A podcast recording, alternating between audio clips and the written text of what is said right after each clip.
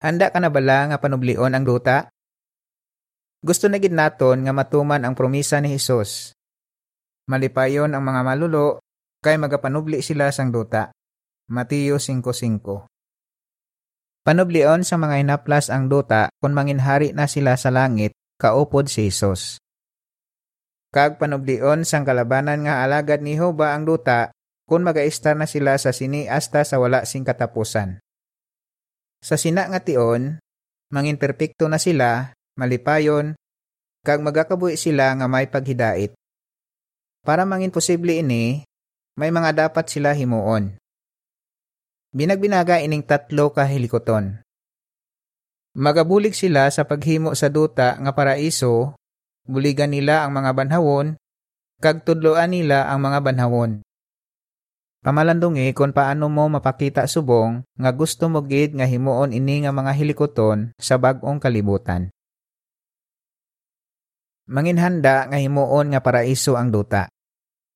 Sang ginsugo ni Jehova ang mga tawo nga punon ang duta kag dumalahan ini, ginapahangop sini nga mangin paraiso sa ulihi ang bilog nga duta. Hinesis 1:28. Dapat man tumanon sang mga magapanubli sang duta ini nga sugo.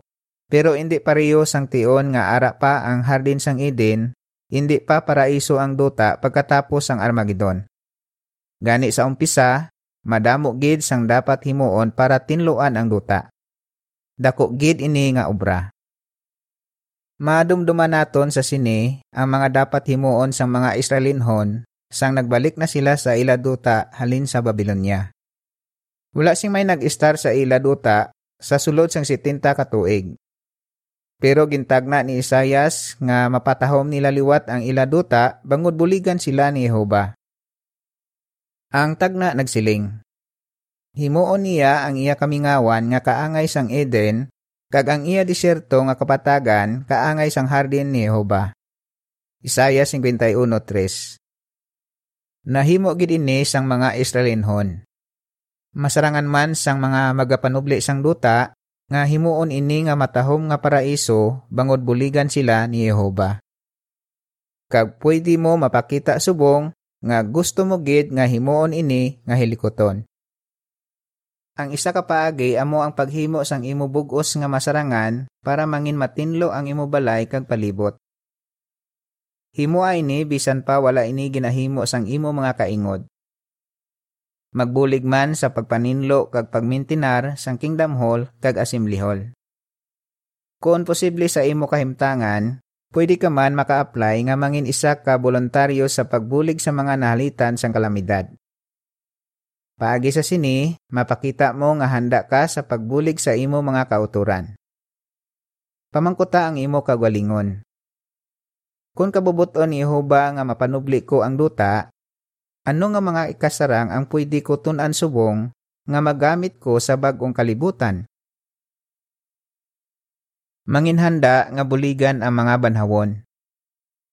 Pagkatapos mabanhaw ni Hesus ang bata nga babae ni Jairo, nagsiling siya dayon nga pakanon ang bata.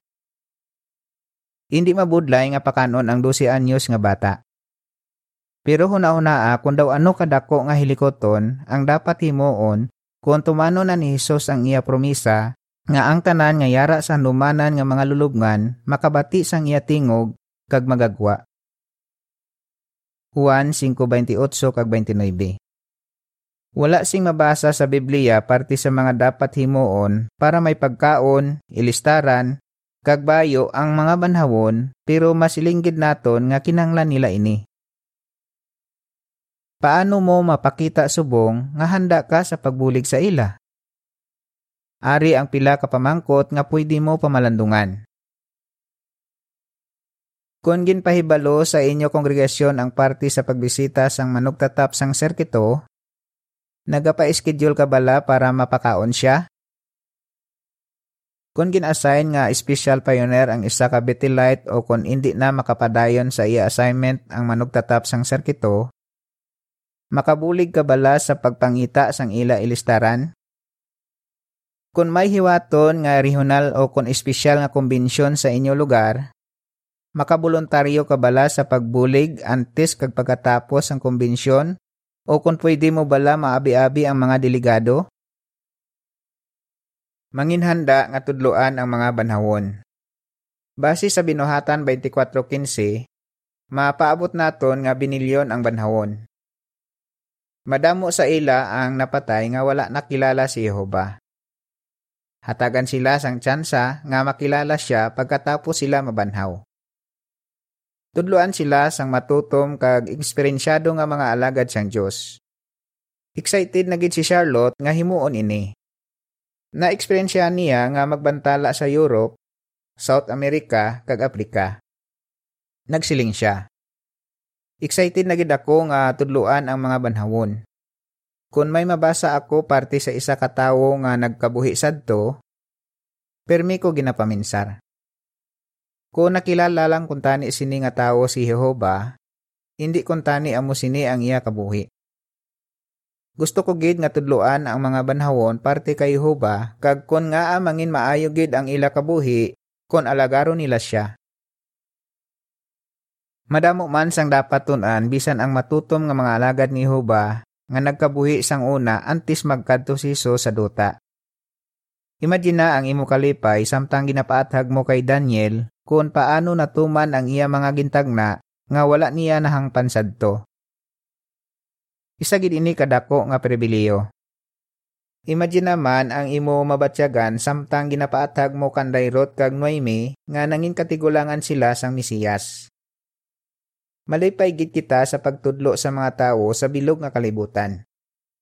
Makapokus kita sa sining nga hilikoton kay madula na ang mga problema sa sining malain nga kalibutan. Paano mo mapakita subo nga gusto mo nga tudluan ang mga banhawon? Panikasugi nga pauswagon ang imo paagi sang pagtudlo sa iban kag magbantala sing regular. Bisan pa gamay na lang ang imo mahimo sa pagbantala bangod sa imo edad o kon iban pang rason, mapakita mo nga gusto mo nga tudloan ang mga banhawon paagi sa paghimo sang imo bugos nga masarangan. Maayo gid kon pamalandungan mo ini nga mga pamangkot.